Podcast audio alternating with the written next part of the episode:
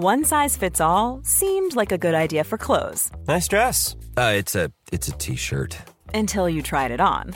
Same goes for your healthcare. That's why United Healthcare offers a variety of flexible, budget friendly coverage for medical, vision, dental, and more. So, whether you're between jobs, coming off a parent's plan, or even missed open enrollment, you can find the plan that fits you best. Find out more about United Healthcare coverage at uh1.com. That's uh1.com. Quality sleep is essential. That's why the Sleep Number Smart Bed is designed for your ever evolving sleep needs. Need a bed that's firmer or softer on either side? Helps you sleep at a comfortable temperature? Sleep Number Smart Beds let you individualize your comfort so you sleep better together. JD Power ranks Sleep Number number 1 in customer satisfaction with mattresses purchased in-store. And now, save 50% on the Sleep Number limited edition Smart Bed for a limited time. For JD Power 2023 award information, visit jdpower.com/awards. Only at a Sleep Number store or sleepnumber.com. Millions of people have lost weight with personalized plans from Noom, like Evan, who can't stand salads and still lost 50 pounds. Salads, generally, for most people, are the easy button, right? For me, that wasn't an option. I never really was a salad guy. That's just not who I am. But Noom worked for me. Get your personalized plan today at Noom.com. Real Noom user compensated to provide their story. In four weeks, the typical Noom user can expect to lose one to two pounds per week. Individual results may vary. Söndagen den 19 april 1953 var en snöig dag i Oxford, Ohio. Den 19-årige studenten Ronald Hammond befann sig under kvällen i sitt rum, rum 225 på campus, och studerade. Senaste gången han sågs till var runt klockan 20.00.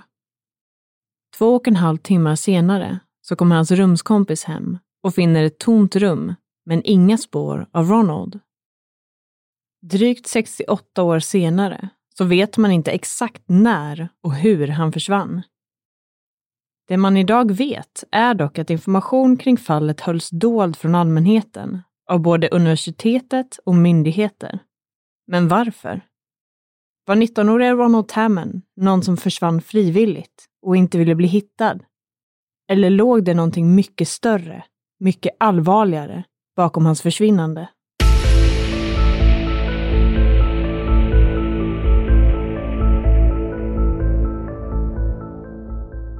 Hej allihop och varmt välkomna ska ni äntligen vara till säsong 5 av Rysapodden. Vi har längtat så mycket till att vara tillbaka igen och är nu otroligt peppade på att dra igång med en helt ny säsong. Och speciellt nu när höstmörkret verkligen har börjat smyga sig på ordentligt. Och först och främst vill vi också passa på att tacka alla er som under det här uppehållet har valt att fortsätta stötta vårt arbete med podden och som har hängt med oss inne på vår Patreon-sida. För att fortsätta bygga upp vårt community där inne är som sagt en jätteviktig och nästintill avgörande del i att vi ens ska kunna fortsätta driva den här podden och för att vi ska kunna utvecklas framåt. Ja, men verkligen. Så tusen tack till alla er som är med och stöttar podden varje månad. Och varmt välkomna till er alla där ute som faktiskt prioriterar och tar er tiden till att lyssna på den här podden. Och som sagt, nu är det ju säsongstart och vad passar då bättre än att börja med det vi alla älskar och hata, nämligen ett mysterium. Och inte bara ett mysterium, utan här är vi faktiskt till och med inne på konspirationsnivå skulle jag vilja säga. För det här är verkligen ett sånt där fall som bara växer och växer ju mer man läser och tar del av det. Man blir bara mer och mer förvirrad och det blir bara större och större. Så det ska sägas att det var oerhört svårt att begränsa innehållet när vi gjorde research om det här fallet. För man vill egentligen bara gå in på varenda liten detalj. Ja, och vi har som alltid försökt att strukturera upp fallet så att det inte blir allt för rörigt eller förvirrande att ta del av. Så jag tänker att vi börjar med att presentera själva mysteriet och bakgrunden till hela den här historien. För att sen gå igenom lite allmänna teorier och tankar om vad som faktiskt kan ha hänt Ronald. Och nu är vi väl alla mer än redo att sätta igång med säsongens första avsnitt. Så jag tycker att vi tar och gör det nu på en gång.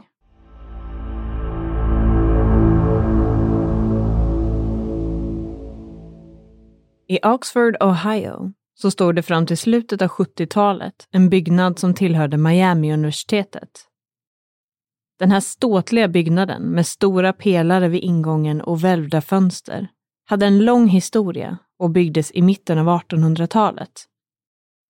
Då var den en del av ett universitet för kvinnor. Därefter köptes byggnaden av en man vid namn Dr. Harvey Cook år 1880 som gjorde om byggnaden till ett sanatorium och vårdanstalt.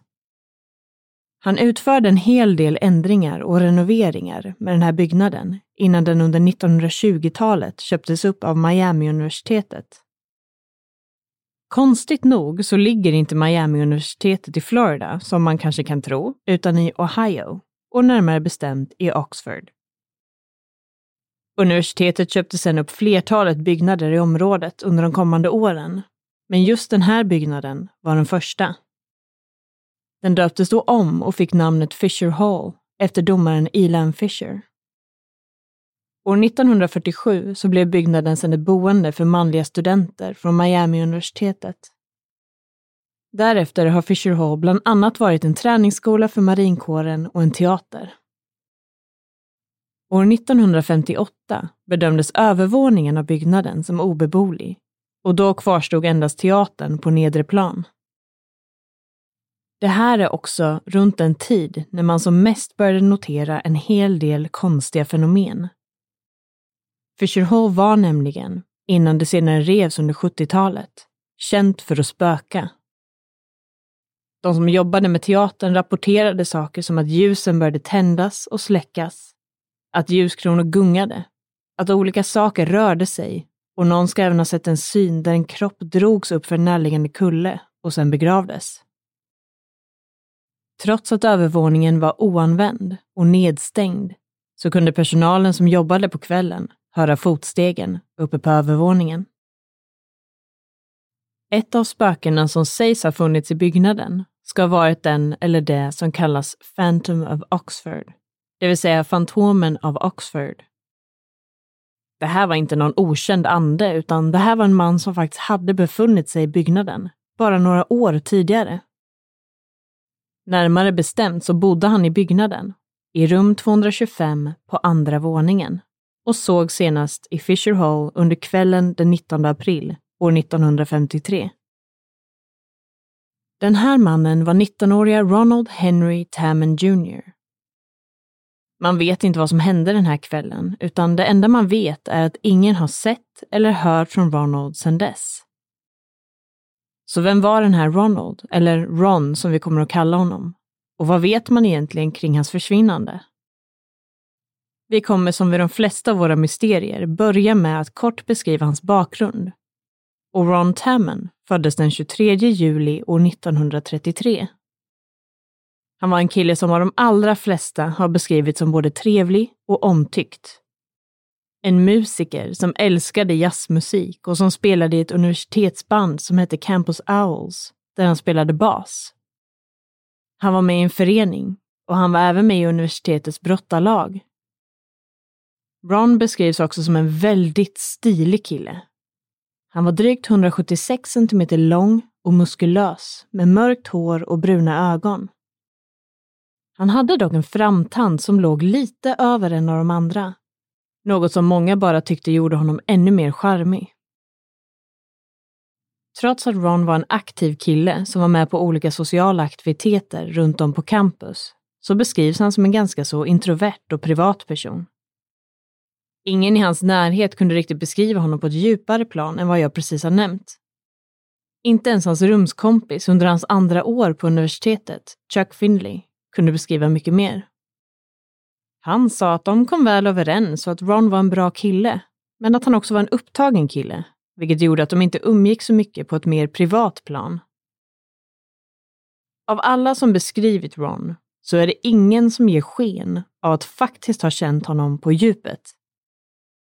Han var en kille som alla visste om och som sagt så beskrev de flesta som kände honom att han var trevlig, snygg och helt enkelt en klassisk universitetskille från 50-talet.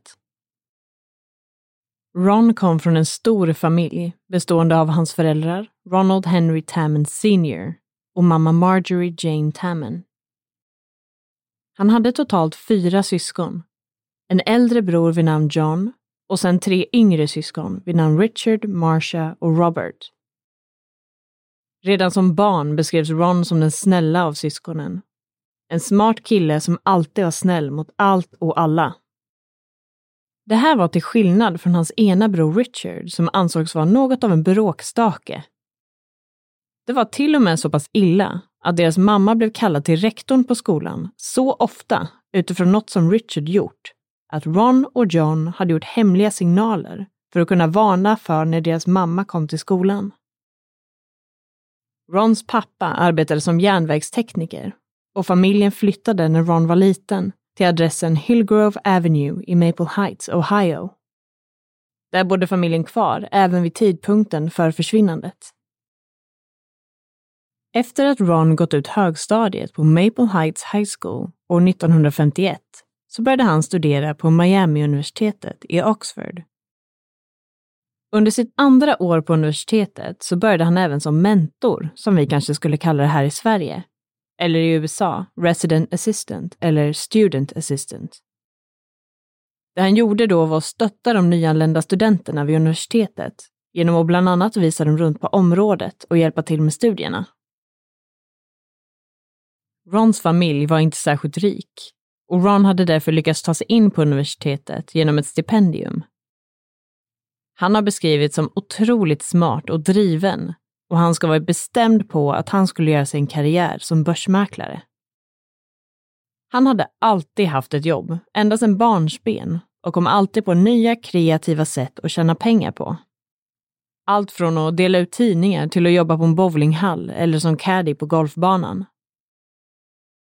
Trots att Ron har beskrivits som en väldigt stilig kille så var han inte någon som dejtade särskilt mycket. Han träffade ett fåtal tjejer under sin high school och universitetstid. Det här har beskrivits av Rons äldre bror John som att det berodde på det faktum att han var tvungen att fokusera på sina studier. Han hade som sagt fått ett stipendium och var tvungen att bibehålla vissa betyg för att ha fortsatt ekonomiskt stöd. Men Ron har beskrivits som en kille som hade kunnat få i princip vilken tjej han ville, om han hade velat. Det finns däremot spekulationer, och det fanns det även på den tiden, gällande om Ron eventuellt kunde vara homosexuell. Det här var ju under 50-talet och att vara homosexuell under den här tiden var inte accepterat och såg snarare som en sjukdom som man kunde bli botad ifrån. Det här var dock bara spekulationer och ingen vet helt säkert om han faktiskt var homosexuell eller inte. Men nu när vi har lite av en bakgrund kring vem Ron var så är det dags att ta reda på vad man vet gällande vad som hände under söndagen den 19 april 1953. Eller rättare sagt vad man initialt gick ut med för information. Vi kommer därefter att ta upp lite nyare information, men vi kommer dit om en stund. Den här söndagen började som vilken annan söndag som helst. Men någonting som många har kunnat minnas är det faktum att det snöade den här dagen. Något som var extremt ovanligt så här sent in på våren. Det man vet är att Ron spenderade den här eftermiddagen med att studera inne på sitt rum, det vill säga rum 225. Han brukade alltid lämna dörren öppen, vilket gjorde att flera personer såg honom under kvällen. Runt klockan 19.00 den här kvällen så var han längre ner i hans korridor i rum 212 och hjälpte en vän vid namn Richard Dick Titus med några studieuppgifter. Det sista man såg av Ron var när han besökte kvinnan som var ansvarig för hans korridor för att hämta ut nya och rena sängkläder. Anledningen till det här ska ha varit att någon hade lagt en död fisk i hans säng. Kvinnan i fråga, som hette fru Todd Hunter, gav honom sängkläderna och sa till honom att han såg trött ut. Något som Ron då bekräftade och besvarade genom att säga att han skulle gå och lägga sig. Flera elever ska sedan ha sett honom när han gick tillbaka mot sitt rum med sängkläderna, en dryg halvtimme senare. Klockan var då cirka 20.00. Det här var enligt polisen och universitetet sista gången någon såg till Ron. Den här informationen kommer dock eventuellt att förändras framåt. Klockan 22.30 så kom Rons rumskompis Chuck Finley hem efter att ha spenderat helgen hemma hos sin familj. Han insåg först inte att någonting var fel, men han noterade att lampan var tänd, radion var på och att det låg en bok uppslagen på skrivbordet Kvar i rummet fanns även Rons plånbok och bilnycklar. Hans bil, en Chevrolet från år 1939, stod dessutom parkerad utanför på sin angivna parkeringsplats. I bilen så låg hans bas. Ron själv däremot var inte där. Något som Chuck inte reflekterade så mycket mer över just då, utan han tänkte att Ron kanske hade valt att övernatta i huset som tillhörde hans studentförening. Dagen efter så frågade Chuck några av de andra medlemmarna av föreningen om de hade sett till Ron och förklarade då att han inte hade kommit hem kvällen innan. De hade då inte heller sett till honom. Några dagar passerade och Ron dök fortfarande inte upp. Man valde därför att anmäla honom som saknad. Man informerade då också hans föräldrar, Marjorie och Ronald Senior den 23 april, fyra dagar efter att någon senast hade sett Ron. Hans föräldrar, som han hade träffat en dryg vecka innan han försvann, ska ha uppgett att de inte märkte av något särskilt i Rons beteende när de träffades. Han hade nämligen inte verkat särskilt bekymrad eller på annat sätt verkat annorlunda enligt dem. De instanser som fick i uppdrag att sköta om det här fallet var flera stycken. För på den här tiden så var det så att universitetet själva genomförde en utredning och den leddes av en man vid namn Carl Knox. Han var dekan för universitetet, det vill säga den högsta administrativa chefen. Han genomförde som sagt en utredning. Polisen i Oxford, sheriffskontoret i Butler County och Ohios Highway Patrol genomförde en utredning.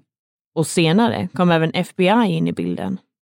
Och de kopplades in efter att Rons mamma rapporterade honom som saknad till FBI i maj de valde då att involvera sig i fallet utifrån det faktum att Ron inte hade uppdaterat sin dispens för att slippa genomföra militärtjänst på grund av studier. Han ansågs därför som aktuell för militärtjänstgöring, något han då såklart inte infunnit sig till eftersom att han nu var saknad. Initialt så sökte man igenom universitetsområdet och en vecka efter Rons försvinnande så genomfördes en sökning där över 400 elever valde att tillsammans söka igenom en radie på 5 kilometer runt om universitetet. Men man hittade då ingenting. En efterlysning för Ron gick också ut den 28 april till närliggande tågstationer, busstationer och flygplatser, men det fanns inga spår efter honom. Det man kunde konstatera var att det inte fanns någonting som tydde på att Ron hade haft för avsikt att lämna sitt rum någon längre tid. Han hade inte packat med sig några kläder och som beskrivet var lampan tänd och radion på. Han hade inte med sig några större summor pengar, utan det tros ha handlat om cirka 10-15 dollar. Det fanns däremot ingenting som tydde på att han hade lämnat rummet ofrivilligt heller. Det fanns inget som tydde på ett bråk och Ron har dessutom beskrivits som någon som också bör ha kunnat försvara sig vid en eventuell attack. Universitetet beskrev att Ron var en kille med bra betyg och god ekonomi och att det inte fanns någon uppenbar anledning för honom att bara försvinna på det här sättet. Det fanns vissa teorier om vad som kunde ha hänt och den teori som polisen ansåg som mest sannolik och som de har stått fast vid under kommande år är att Ron ska ha drabbats av minnesförlust. Det här skulle då vara någonting som han hade fått efter att han som brottare fått ta emot hårda slag mot huvudet vid flertalet tillfällen. Resonemanget bakom det här är att det verkar som att han plötsligt bara ställt sig upp från sin stol vid skrivbordet och gått ut genom dörren. Utan någon packning eller någon plan. Det skulle ju också förklara varför han inte gav sig till känna. Helt enkelt för att han inte minns. Den närmsta tiden efter försvinnandet så var det inte mycket mer som hände. Ingen ny information kom fram och sökningarna stod mer eller mindre stilla. Men i juni kontaktade en kvinna vid namn Clara Spivey polisen och informerade dem om att hon trodde att Ronald Tammen hade knackat på hos henne under natten då han försvann. Hon bodde ungefär två mil utanför Oxford i ett område som heter Seven Mile hon berättade då att det hade varit sent på söndagskvällen, runt klockan 23.00, när hon hörde att det knackade på hennes dörr. När hon öppnade så stod det en okänd man där. En man som hon beskrev såg ut precis som Ron, med mörkt hår och mörka ögon. Det hon noterade var det faktum att han inte hade någon kappa eller hatt på sig, vilket var märkligt eftersom att det som sagt hade snöat och det var en väldigt kall aprilnatt. Han ska även ha haft smuts på kinden, som att han kanske hade försökt byta ett däck eller fixa något med bilen. Han ska ha uppträtt något förvirrad och ska ha frågat henne vilken stad han befann sig i och undrat vart han skulle komma om han gick åt ett visst håll som han pekade mot. Clara ska då ha berättat att han skulle komma till Middletown och vart han befann sig just då. Hon ska även ha pekat ut en närliggande busshållplats där han kunde ta bussen in till staden. Det här är alltså inte tillbaka till universitetet. Clara insåg senare att hon hade gett mannen felaktig information då bussarna just det här datumet hade slutat gå under nattetid. Mannen kan därför inte ha tagit bussen. Clara såg ingen bil som varken hämtade eller lämnade honom och hon insåg inte relevansen i det här besöket förrän hon läste om fallet i tidningen drygt två månader senare. Polisen ansåg såklart att Clara Spivys iakttagelse stärkte deras teori angående minnesförlusten. Ron ska ju då i sånt fall ha tappat minnet, vandrat ut från Fisher Hole i kläderna han hade på sig, utan jacka i snön och vandrat längs gatan tills han hade gått drygt två mil och hamnat utanför Claras dörr. Hon ska ju också ha beskrivit mannen som knackade på hennes dörr som förvirrad. En annan teori som många under lång tid har trott på är att det här var någon form av universitetsprank. Att några i hans förening kanske kidnappade honom och skulle dumpa honom någonstans i det området där han senare knackade på hemma hos Clara. Kanske att något då gick väldigt fel och att Ron dog. Det har även spekulerats kring den döda fisken som låg i Rons säng. Kanske kunde maffian eventuellt ha varit inblandad i Rons försvinnande och att det här var någon form av hot. Nu har vi gått igenom lite vem Ron var, vart det här mysteriet utspelade sig och vad polisen trodde skulle ha hänt Ron. Och som i så många fall vi tar upp, framförallt kanske med försvinnanden, så kritiseras polisen en hel del. Och det här fallet är inte ett undantag. Här finns det dock även en del, jag vet inte om vi ska kalla det konspirationsteorier kanske.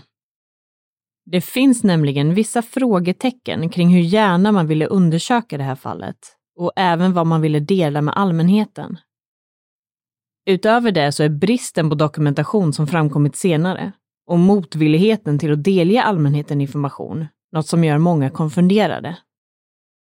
När man exempelvis valde att återigen öppna upp det här fallet år 2008 så fann polisen som då ansvarade för utredningen bara ett enda papper i hans fil och det var en trafikförseelse. Så vart finns all dokumentation? Men två namn som är starkt kopplade till det här fallet och som har lyckats få fram ny information är först och främst en man vid namn Joe Sella och därefter en kvinna vid namn Jennifer Wenger. Och jag tänker att vi kommer gå igenom dessa två personer och vad de har upptäckt kring det här fallet. För det är lite som så att initialt när man går igenom det så sticker det inte ut mer än något annat försvinnande som man har läst om. Det handlar helt enkelt om en man som helt plötsligt försvunnit från universitetet. Men ju mer man läser och ju mer information man får tag i, desto skummare blir faktiskt det här fallet. Så då börjar vi alltså med Joe Sella. Han var en reporter för tidningen Hamilton Journal News och var en av de som skrev om Rons försvinnande. Han föddes år 1920, så när Ron försvann så var han själv 33 år gammal. Han blev smått besatt av det här fallet och började gräva ordentligt. Och det är tack vare honom, inte polisen och inte universitetet, som man idag har fått fram en hel del av den information som man idag vet om Ron. Joe bar även ett foto av Ron som han hade fått av hans bror Richard i sin plånbok i över 20 år med förhoppningen om att han, om han såg Ron, skulle kunna känna igen honom. Han var också fullt övertygad om att Rons försvinnande var en del av en mörkläggning från universitetets sida och att det fanns väldigt mycket information som de inte delgav allmänheten. Den information som han fann och som blev allmänt känt under de nästkommande decennierna är bland annat att den bok som fanns uppslagen på Rons skrivbord var en psykologibok. Han kunde också säga att den sidan som var uppslagen var sidan med rubriken Habits, alltså vanor på. Det här verkar ganska irrelevant, men se till att komma ihåg den här detaljen. Joe hittade också en del vittnesuppgifter som inte tidigare varit kända för allmänheten. Det första vittnet var en läkare vid namn Garrett Boone som hade sin mottagning i närliggande Hamilton i Butler County. Han berättade att han hade fått besök av Ron fem månader innan han försvann, närmare exakt den 19 november år 1952. Ron ska då ha bett om att få ta ett blodprov för att han ville veta vilken blodgrupp han tillhörde. Det här var lite udda eftersom att Ron bodde i Oxford, där det såklart också fanns läkare som han hade kunnat vända sig till. Han hade även kunnat vända sig till universitetssjukhuset där han bodde, men det gjorde han inte. Garrett ska också ha uppgett att det här var enda gången han hade fått en sån typ av förfrågan under sina 35 år i arbetet. I dokumentären Phantom of Oxford så intervjuas Garrett och han beskriver då att han hamnade i konflikt med universitetet när han försökte trycka på att den informationen som han satt på kunde vara relevant i samband med försvinnandet. Universitetet ska då enligt Garrett inte ha varit särskilt intresserad av att lyssna på honom. Man vet än idag inte vad anledningen var till att Ron ville ta det här blodprovet. Det har spekulerats i att han skulle ha det som faderskapstest, vilket på den här tiden genomfördes genom att bland annat jämföra blodgrupper. Joe lyckades även få fram mer information kring vad Ron hade haft för sig dagarna innan sitt försvinnande. En av de sakerna som han fick fram var att Ron under fredagskvällen den 17 april besökte en man vid namn Glenn Dennison i syfte att betala sin bilförsäkring. De ska ha pratat en stund, framförallt om bandet som Ron spelade i, Campus Owls. Då är det många som ställer sig frågan, om Ron planerade att försvinna och lämna kvar sin bil, varför då bry sig om att betala försäkringen? Slutligen fick Joe även fram vittnet H.H. Stevenson som jobbade som bostadstjänsteman på universitetet där Ron bodde. Han kände till honom väl och hade träffat honom flertalet gånger innan han försvann. H.H. Stevenson var den 5 augusti 1953, alltså drygt fyra månader efter försvinnandet, på semester i Wellsville, New York med sin fru, där de bestämde sig för att gå in på ett hotell för att äta. När de stod i lobbyn så kollade han sig runt och fick då syn på en man som satt vid ett bord tillsammans med några andra män. H.H. Stevenson var helt övertygad om att mannen han såg var Ron. Deras ögon möttes och H.H. Stevenson beskrev det som att den här mannens ögon ska ha kollat rakt igenom honom. Han lämnade sedan hotellet med sin fru och berättade då vad han precis trodde sig ha sett. Hon övertygade honom att gå tillbaka in för att kolla om det faktiskt var Ron. Men när han gjorde det var mannen borta. Den här informationen framkom däremot inte förrän i april 1976, alltså mer än 20 år senare, när Joe Sella publicerade en artikel i Hamilton Journal News och berättade om det här. H.H. Stevenson var dock tydlig med att han delgav dekanen Carl Knox den här informationen redan dagen efter att han trodde sig ha sett Ron och att han utgick ifrån att det här skulle undersökas. Vad man vet idag så undersöktes aldrig det här spåret vidare på något vis. Även han medverkar i den där dokumentären som jag nämnde tidigare, Phantom of Oxford, där han berättar om det här. All den här informationen presenterades av Joe Sella och alltså inte av universitetet eller polisen. Joe var kritisk till utredningarna och säger bland annat i den här dokumentären att han anser att man inte har utrett det här fallet ordentligt. Och man får ändå anse att det är konstigt att universitetet och polisen finner en främmande kvinnas vittnesuppgifter om en man hon bara sett en bild på relevant. Men däremot är de inte intresserade av att prata med en läkare som hade journaler att påvisa. Och inte heller H.H. Stevenson, som faktiskt träffat Ron vid flera tillfällen. Dessa två uppgifter ville de inte undersöka vidare. Frågan som många ställde sig, och fortfarande ställer sig, är varför? Joe Sella avled år 1980 när han bara var 59 år gammal. Han stod fast vid att någonting kring Rons försvinnande hade mörklagts Och han var också tydlig med alla han träffade. Att han var övertygad om att Ron var vid liv och fortfarande fanns där ute någonstans.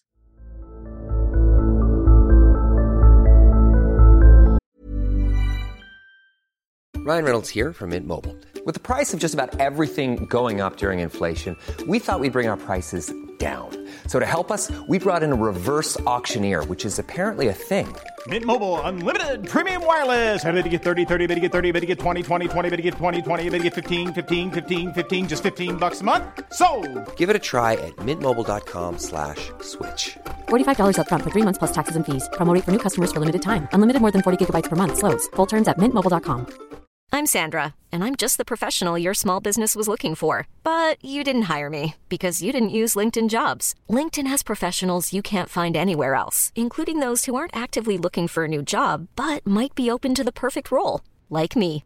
In a given month, over 70% of LinkedIn users don't visit other leading job sites. So if you're not looking on LinkedIn, you'll miss out on great candidates like Sandra. Start hiring professionals like a professional. Post your free job on linkedin.com/achieve slash achieve today. One size fits all seemed like a good idea for clothes Nice dress. Uh, it's a it's a t-shirt.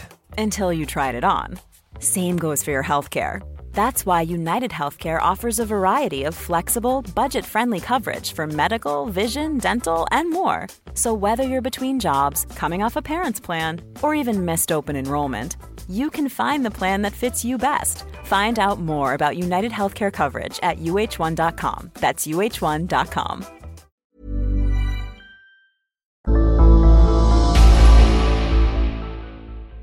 Nu när vi har gått igenom fynden som Joe Sella upptäckte så kommer vi till den andra personen som har varit starkt involverad i det här fallet, nämligen Jennifer Wenger. En kvinna som idag är i 50-årsåldern och som själv var student på Miami-universitetet och tog examen därifrån år 1980. Hon beskriver på sin hemsida, ronaldhammond.com, att hon under sin studietid hörde talas en hel del om Ron och att det oftast var i form av spökhistorier vid halloween. Runt år 2010 så började Jennifer att efterforska Rons historia och år 2014 så valde hon att säga upp sig från sitt jobb för att kunna söka svar på heltid. Och hon driver nu den här hemsidan och bloggen kring försvinnandet av Ronald Tammen. Hennes plan har varit att släppa en bok om det här fallet och hon har under åren lyckats få fram en hel del information. Även hon instämmer med Joe Sella och riktar en hel del kritik mot hur utredningarna kring det här fallet har genomförts. Vi har såklart lusläst i princip hela Jennifers hemsida och att gå igenom drygt tio års efterforskning tar en hel del tid och det är så mycket intressant. Så vi kände att vi helt enkelt var tvungna att ta med en del av det som hon har hittat. Och eftersom att Jennifer har hittat information som aldrig tidigare har publicerats så har vi varit i kontakt med henne för att säkerställa att vi fick lov att prata om det hon skriver här i podden. Lyckligtvis sa hon då ja till det här och var dessutom väldigt glad över att vi har valt att prata om just det här fallet. Och det som vi anser är så bra med hennes blogg och hemsida är att hon i princip tar upp all information som någonsin funnits i det här fallet för att därefter granska det med lite av ett kritiskt öga. Jennifer har också letat upp personer som studerade tillsammans med Ron och har bland annat pratat med hans familj, en gammal dejt, poliser och personer som jobbat inom FBI. Hon har också ansökt om att få ut samtliga dokument från både polismyndigheter och FBI. Och det ska sägas att hon har lyckats få ut en hel del dokument som hon också delar med sig av på hemsidan. Hon är dock tydlig med att hon inte kallar saker för fakta om hon inte vet att det är på ett visst sätt, vilket jag också måste säga att hon verkligen håller fast vid. Alla vittnesuppgifter känns väldigt genuina och vissa namn är anonyma. Antingen för att de själva önskat det eller för att hon vill hålla på vissa namn inför sin kommande bok. Men överlag känns det här i alla fall som en väldigt trygg källa för information. Det ska ju dock sägas att det här bara är våran bedömning, så ni kan ju alltid kika in på hemsidan själva och göra er egen bedömning. Men vi upplever i alla fall att hon är oerhört noga med att påtala och bevisa det som hon anser som fakta. Och det gör också att hennes arbete känns väldigt trovärdigt. Vi har som sagt gått igenom den research som hon har gjort under mer än ett decennium Och det är så mycket intressant information. Vi kommer ju dock såklart inte att kunna ta upp allt här i podden, för det finns det helt enkelt inte tid för. Men jag tänker att vi kan ta upp vissa punkter där hon har hittat ny information och framförallt motstridig information. Och sen kan ni som sagt alltid gå in på hemsidan själva och läsa mer detaljerat i efterhand, om det nu finns intresse för det. Så, vad är det då som Jennifer tar upp i sin research? Jo, hon börjar framförallt med själva dagen då Ron försvann. Och det vi vet hittills utifrån vad universitetet, polisen och media, inklusive Joe Sella, har publicerat, är att ingen har sett till honom sedan ungefär runt 20-tiden under söndagen den 19 april år 1953. Och det här var ju när han återvände till sitt rum efter att ha hämtat ut nya sängkläder. Eller så har det i alla fall verkat, fram tills dess att Jennifer kontaktade en av Rons gamla studiekamrater. Hon har dock valt att inte gå ut med namnet på den här personen, men hon pratar då med en man som var aktiv inom samma förening som Ron, det vill säga Delta Tau Delta. Han berättar då att det fanns en tradition på universitetet i samband med mors dag som infaller den andra söndagen i maj i USA. Det här var mer exakt en sångtävling mellan olika föreningar. Och den här mannen har varit tydlig med att den enda i deras förening som kunde sjunga var Ron, vilket därför gjorde honom till en självklar sångledare. De brukade alltid ha sina sångträningar på söndagar antingen klockan 21.00 eller 22.00. Och den här mannen minns inte riktigt vilken tid det var just den här söndagen. Vilket också känns ganska så rimligt eftersom att det här var mer än 60 år sedan nu. Vad som gör det här lite extra intressant är faktumet att den här mannen inte bara är säker på att Ron var med på sångträningen den här kvällen, utan att han själv och en annan man vid namn Chip Anderson, som nu är avliden, också tog sällskap hem med Ron den här kvällen. Det som gör det här ännu mer intressant är faktumet att han också säger att den här informationen delgavs dekanen Carl Knox, som då ska ha sagt att de med största sannolikhet var de sista som sett Ron. Så då kan man ju såklart undra varför man har valt att inte gå ut med den här informationen till allmänheten. Enligt den här mannen så ska Ron efter sångträningen ha promenerat tillsammans med honom och Chip fram till byggnaden där de bodde där sa de sen godnatt och Ron gick därefter de få extra metrar som var fram till Fisher Hall. Och det här ska, enligt den här mannen, inte ha varit tidigare än klockan 22.30. Om den här informationen stämmer, eftersom vi inte kan bekräfta den mer än att tro på det som Jennifer skriver, så påverkar ju det här hela tidslinjen. Först och främst, varför sa då Ron till kvinnan som han hämtade sängkläder av att han skulle gå och lägga sig, om han nu inte skulle det? Sen kom ju också Rons rumskompis Chuck hem runt klockan 22.30 den här kvällen. Och de två borde ju i princip ha mötts i dörren i sånt fall. Men det här finns det ju inga uppgifter om att de skulle ha gjort. Och varför sa då ingen till rumskompisen Chuck dagen därpå när han letade efter Ron att han faktiskt hade varit på sångträning kvällen innan? Jennifer har hittat flera personer som bekräftar själva sångträningen, men ingen annan utöver det här manliga vittnet som bekräftar att de vet att Ron var där. Men om han nu var det, så måste han ju i princip ha försvunnit från sin korta promenad efter att han sa godnatt till det anonyma vittnet och Chip, men innan han sen kom fram till Fisher Hall. Den viktigaste frågan i allt detta blir ju också varför man inte visste om det här. Varför har universitetet och polisen i så fall hållit den här informationen dold? En teori kring detta är att det helt enkelt inte stämmer överens med den teori som man någonstans har valt att gå på i det här fallet, det vill säga minnesförlusten. Och sannolikheten att Ron skulle ha drabbats av minnesförlust under den här korta promenaden efter att han hade sagt godnatt känns ju mindre trolig. Det är ju dessutom så att om det här nu stämmer så blir det ju ytterst svårt för honom att ha knackat på hemma hos vittnet Clara Spivey klockan 23.00 om han nu ska ha vandrat dit i ett så kallat förvirrat tillstånd.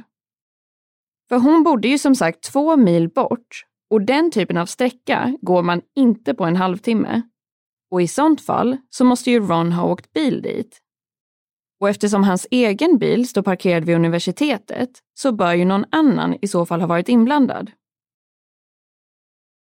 Jennifer själv trodde initialt att det kanske kunde ligga någonting i teorin kring att Ron kunde ha blivit kidnappad av sina föreningsvänner.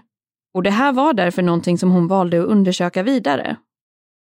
Hon har därför varit i kontakt med flera av de personer som var med i samma förening som Ron och under samma tidsperiod. De har då nekat till att det skulle ha varit någonting sånt och hennes bedömning är att de verkar genuint intresserade av att veta vad som kan ha hänt Ron och inte alls känns som att de har någonting med saken att göra. Vidare så har de varit tydliga med att den typen av skämtsamma kidnappningar absolut ägde rum inom föreningen. Det vill säga att man tog någon och körde iväg dem en bit bort för att sedan dumpa dem där och låta personen ta sig hem på egen hand. Däremot var det här bara för de som bodde i själva huset som tillhörde föreningen. Något som Ron inte gjorde. Det var ju dessutom så att vittnet Clara Spivey beskrev att den här mannen som dök upp vid hennes hus verkade förvirrad och ville veta vart han skulle om han åkte åt Middletown. Om han nu hade blivit kidnappad av sina föreningsvänner, bör han inte då istället ha frågat hur han på bästa sätt tog sig tillbaka till universitetet igen? En annan sak som framkommer i Jennifers research när hon pratar med en polisman vid namn Logan Corbin som jobbade på Oxfordpolisen i samband med Rons försvinnande är information om en mystisk kvinna. Logan berättade nämligen att det sades finnas några personer på campus som hade sett till Ron sent den här kvällen efter att han hade hämtat sängkläderna när han satt i en bil med en kvinna. De ska då ha suttit i bilen i drygt 45 minuter innan de sen körde iväg tillsammans. Det här ska dock inte ha undersökts vidare, vilket såklart är lite konstigt. Logan kunde inte heller säga någonting om varför eftersom han själv inte var den som ansvarade för utredningen, så han visste helt enkelt inte mer än så. Men det här skulle ju kunna gå ihop med det spåret att Ron lämnade campusområdet efter att ha sagt godnatt till det anonyma vittnet och Chip. Han kan ju då såklart ha mött upp en kvinna och därefter åkt iväg med henne. Men varför eftersökte polisen inte mer information om det här? Och varför har inte den här kvinnan i sånt fall gett sig till känna under alla de här åren? Vad gäller teorin om maffian utifrån den döda fisken i sängen så var inte det helt sant det heller. För den killen som Ron hjälpte att studera samma dag som han försvann, Richard Dick Titus, var nämligen den som hade lagt fisken i sängen. Han berättar om det här i en intervju med Jennifer som hon har spelat in och som till viss del går att lyssna på via hemsidan. Dick säger också senare vid en andra intervju att han gjorde det här under fredagen eller lördagen och att han inte minns riktigt. Den här manövern med fisken ska i alla fall ha varit en hämnd för att Ron tidigare ska ha gjort något med Dicks lakan och dessutom ska ha hällt flingor i hans säng.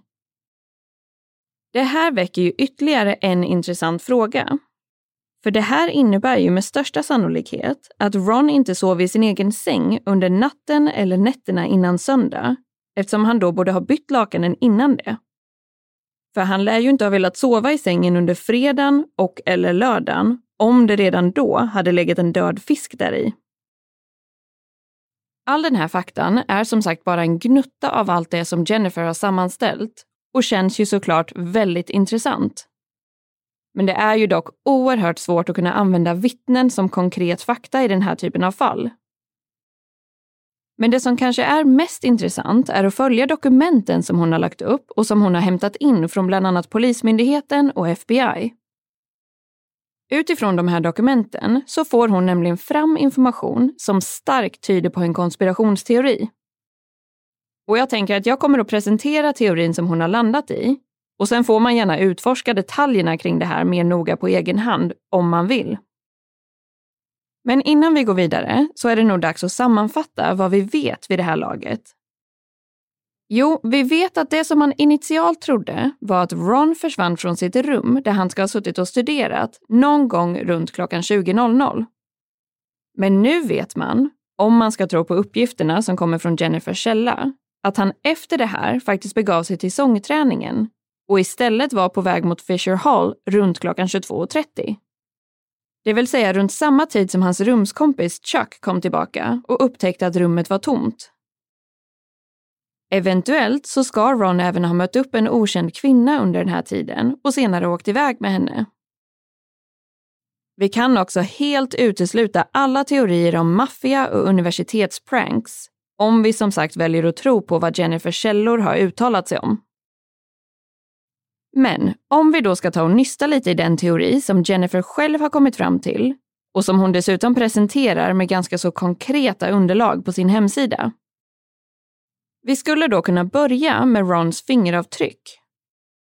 FBI hade nämligen fått Rons fingeravtryck av hans föräldrar. De hade haft dem sparade sedan han var barn eftersom att Rons klass hade haft det som en skoluppgift att lämna sina fingeravtryck. I samband med att Ron sen försvann så lades de i en särskild fil, vilket skedde samma år som han försvann, det vill säga år 1953. När Jennifer senare försökte få ut en kopia av Rons fingeravtryck så fick hon veta att de förstördes år 2002. Och det finns en hel del rutiner om när och hur fingeravtryck ska förstöras. Och jag kan inte säga att vi har förstått dessa helt och fullt, men det vi har förstått är följande. Vid tidpunkten då Rons fingeravtryck förstördes så var en huvudregel bland annat att fingeravtryck kunde förstöras om en person hade uppnått en ålder av 99 år.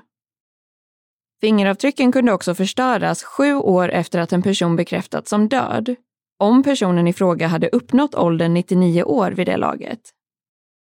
Allt det här är lite krångligt, men rent krast så innebär detta att Rons fingeravtryck utifrån den här punkten inte bör ha kunnat förstöras förrän tidigast år 2032. Så man har alltså förstört fingeravtrycken cirka 30 år för tidigt. Så vad kan det här då bero på? Jo, som vi har förstått det så kan det här bero på två olika anledningar. En anledning är att fingeravtryck kan förstöras om det finns en dom som kräver att fingeravtrycken ska förstöras av ett specifikt skäl. Den andra anledningen är att fingeravtryck kan förstöras om de inte anses vara i enlighet med den lag som i USA kallas för Privacy Act. Om man ska förklara den här lagen oerhört förenklat så innebär den i princip lite samma sak som GDPR-lagen, som de flesta av er säkert känner till. Och det här är ju som sagt en väldigt förenklad beskrivning, men i stora drag så handlar det om hur man handskas med människors privata information och data. Jennifer har såklart frågat personer som arbetat inom FBI om det här. Och de har då uttryckt att det är högst ovanligt att man faktiskt har en dom om att förstöra fingeravtryck. Hon har även frågat kring när det exempelvis kan vara aktuellt att använda sig av begäran utifrån Privacy Act. Ett av svaren som hon har fått då är att en person kan begära att få sin information borttagen om den till exempel är felaktig eller om den har anförskaffats på ett illegalt vis. Det som är intressant med just den här lagen är det faktumet att den inte gäller om en person är avliden. För då har man inte alla de rättigheter som normalt inkluderas i den här lagen. Så det man egentligen kan säga är att någonting hände år 2002.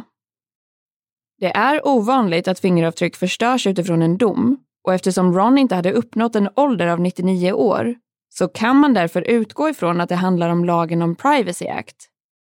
Och i sånt fall så måste Ron ha varit vid liv år 2002 eftersom att den lagen inte gäller för en person som är avliden. Det här tyder alltså på att Ron inte dog i samband med försvinnandet utan istället har levt vidare och att det finns information om honom som myndigheter av någon anledning inte vill delge allmänheten. Så nu börjar det här mysteriet verkligen att tätna. Vi kan då gå vidare med den här boken som Ron hade uppslagen på sitt skrivbord och som vi sa att ni skulle ha i åtanke lite längre fram i avsnittet. Reporten Joe Sella fick ju nämligen fram att den boken som låg uppslagen i hans rum var en psykologibok. Och det här kan man ju såklart tycka känns helt oväsentligt. Men så var det inte riktigt. Ron hade nämligen hoppat av psykologikursen några veckor tidigare något som Jennifer också kan styrka med hjälp av dokumentation från universitetet. Så varför sitter man då och läser en bok för en kurs som man redan har hoppat av? Jennifer har då köpt exakt en sån bok av samma upplaga och slagit upp den sida som Joe fastställde hade varit uppslagen. Nämligen kapitlet om habits, eller vanor. Hon kan också bekräfta Joes upptäckt då hon har fått kopior på vissa av Carl Knox noteringar det vill säga dekanen som utredde fallet för universitetet. I hans noteringar ser man att det står Psychbook Open to Habits. En av bokens underrubriker på det här uppslaget är Post-Hypnotic Suggestion, vilket i princip handlar om hur man genom att hypnotisera någon kan få en person att agera på ett visst sätt. Och allt det här är väldigt intressant för att Jennifer har då lyckats följa det här pappersspåret och har därigenom hittat eventuella kopplingar mellan Rons psykologiprofessor och CIA. Närmare bestämt en person inom CIA som ansvarade för programmet Artichoke. Och nu kan jag tänka mig att vissa av er konspiratörer där ute börjar vakna till liv ordentligt. Och vi själva var faktiskt tvungna att läsa på lite mer om det här men Artichoke var alltså en av föregångarna till något som brukar kallas för Project MK Ultra. Och det här är ju då ett program som fanns inom CIA och startade i början av 50-talet och handlade om hjärnkontroll eller mind control för att kunna styra en människas tankar och känslor. Föregångarna till det här var som sagt Artichoke och ett till program som heter Bluebird ett av tillvägagångssätten som skulle användas för att uppnå målen var att utvärdera mer okonventionella förhörssätt såsom hypnos och droger som bland annat LSD. Enligt CIA själva så ska man dock ha slutat med den här typen av program i början av 70-talet. Men under tiden som de här programmen eller projekten var aktiva så ska det ha funnits vissa kopplingar mellan CIA och olika universitet där de kunde hitta professorer som kunde bistå i arbetet med bland annat hypnos och att droga testpersoner. Jennifer har då en teori om varför allt det här är aktuellt. Hon har först och främst hittat dokument som tyder på att det fanns ett intresse från CIAs sida att arbeta med Rons dåvarande psykologiprofessor, som också arbetade inom fältet hypnos. Faktan om att Ron hade bra betyg och god ekonomi som universitetet gick ut med stämde inte heller. Utan det här var falsk information som hade getts ut av universitetet. Ron hade nämligen en hel del lån till universitetet och trots att han jobbade mycket så hade han väldigt dåligt med pengar. Utöver det här så hade hans betyg börjat försämras och som vi nämnde hade han hoppat av vissa kurser. Något som gjorde att hans stipendium riskerade att dras in. Det fanns ju också det här lilla ryktet om att Ron eventuellt var homosexuell. Så Jennifers teori, som hon också till stor del kan grunda i fakta, är att Ron av någon anledning kom i kontakt med hypnos via psykologiprofessorn. Antingen för att försöka bota sin homosexualitet eller för att tjäna in lite extra pengar som testperson. Det var ju också som så att om hans betyg sjönk och han fick hoppa av skolan så skulle han behöva göra militärtjänst. Och under den här tiden så var inte militären ett speciellt välkomnande ställe för en homosexuell man. Jennifer tror därför att Ron ska ha erbjudit sig att delta i hypnosstudier och att han genom sin psykologiprofessor antingen fick hjälp att bli en del av CIA i form av underrättelsetjänst eller att han istället blev någon form av försökskanin för CIA utifrån hans mottaglighet till hypnos och det påstådda faktum att han var homosexuell. Jennifer tror också att det här är anledningen till att både universitetet och polisen la så pass lite tid på att undersöka det här fallet och dessutom valde att inte följa upp vissa av de tips som faktiskt skulle ha kunnat leda till konkreta svar i utredningen. Så vi kan helt enkelt sammanfatta det som så här. Man vet än idag inte vad som faktiskt hände med Ronald Tammen. Man kan dock säga att det finns information som tyder på att det ligger betydligt mer bakom hans försvinnande än vad inblandade väljer att uttala sig om. Eventuellt dog Ron samma dag som han försvann, eller så gjorde han inte det. Kanske lever han ett härligt liv någonstans där ute i världen. Och kanske var det här ett beslut han tog av egen vilja för att lämna det gamla bakom sig.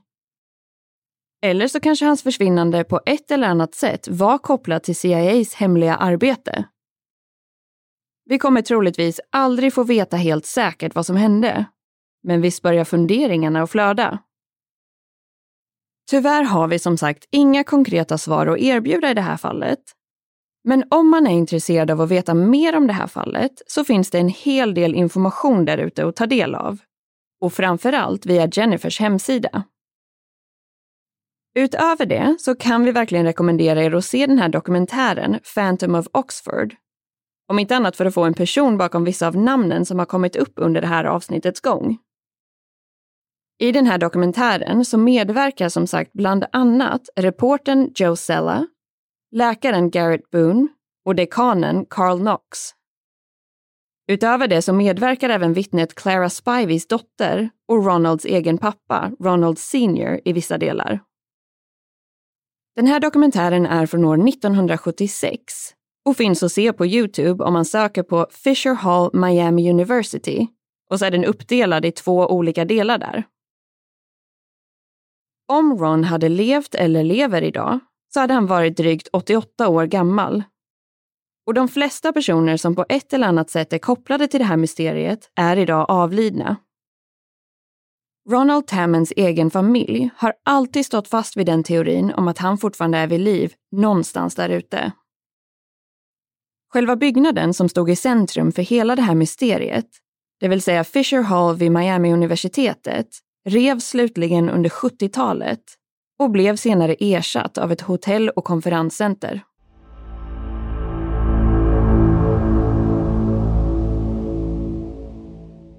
Som sagt, nu är man så förvirrad, så full av frågor, tankar och konspirationsteorier. Och det var väl så vi alla ville känna efter säsongstart, eller hur? För då kan man ju verkligen säga att det här är mission accomplished. Ja, alltså det här är ju verkligen ett unikt mysterium att starta upp säsongen med. Och även om det såklart är jobbigt att inte få veta den egentliga sanningen, så måste jag säga att jag personligen tycker att det här är ett av de mest intressanta fallen som vi hittills har tagit del av.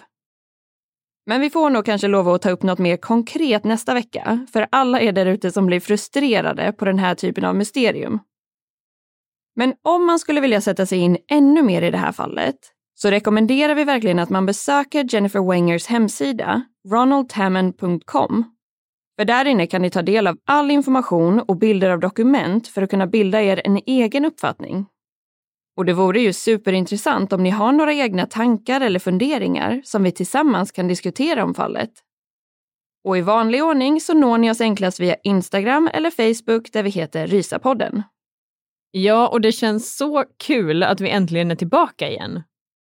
Vi är som sagt riktigt peppade på den här hösten och den här kommande säsongen. Och vi hoppas såklart att ni är det också. Och vi vill också passa på att slå ett slag för vårt lilla Patreon-community, vilket gör det möjligt för er lyssnare att vara med och bidra och hjälpa oss att fortsätta hålla igång vårt arbete med podden, samtidigt som ni också får någonting tillbaka. Bland annat så ligger det just nu totalt fem extra miniavsnitt där inne på nivå 2 och 3 som vi verkligen kan rekommendera er att ta del av.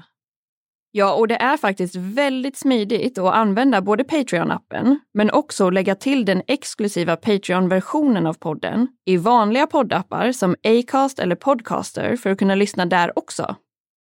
Så om ni är intresserade av att vara med och bidra på något sätt till podden och hänga med oss på den här resan, då är det bara att ni tar och kikar in på patreon.com risapodden.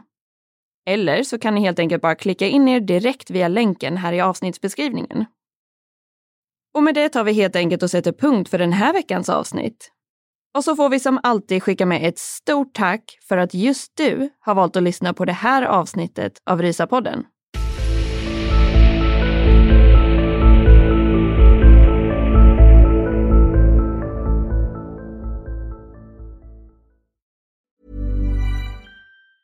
Witness history at Roland Garros, where old rivalries meet new talent on the clay battleground. Tennis Channel Plus is your place to watch. Stream every court from your phone or smart TV live in HD. Experience three weeks of unparalleled access as the world's top players in tennis face off to see if the veterans maintain their dominance or if a fresh face rises to challenge them. Daily live coverage of the French Open begins Monday, May 20th. Stream it now with Tennis Channel Plus to be there when it happens. Planning for your next trip? Elevate your travel style with Quince. Quince has all the jet setting essentials you'll want for your next getaway, like European linen, premium luggage options, buttery soft Italian leather bags, and so much more. And it's all priced at 50 to 80% less than similar brands. Plus, Quince only works with factories that use safe and ethical manufacturing practices. Pack your bags with high-quality essentials you'll be wearing for vacations to come with Quince. Go to quince.com slash trip for free shipping and 365-day returns. Even when we're on a budget, we still deserve nice things. Quince is a place to scoop up stunning high-end goods for 50 to 80% less than similar brands. They have buttery soft cashmere sweaters starting at $50, luxurious Italian leather bags, and so much more. Plus, Quince only works with factories that use safe, ethical, and responsible manufacturing. Get the high-end goods you'll love without the high price tag with Quince. Go to quince.com slash style for free shipping and 365-day returns.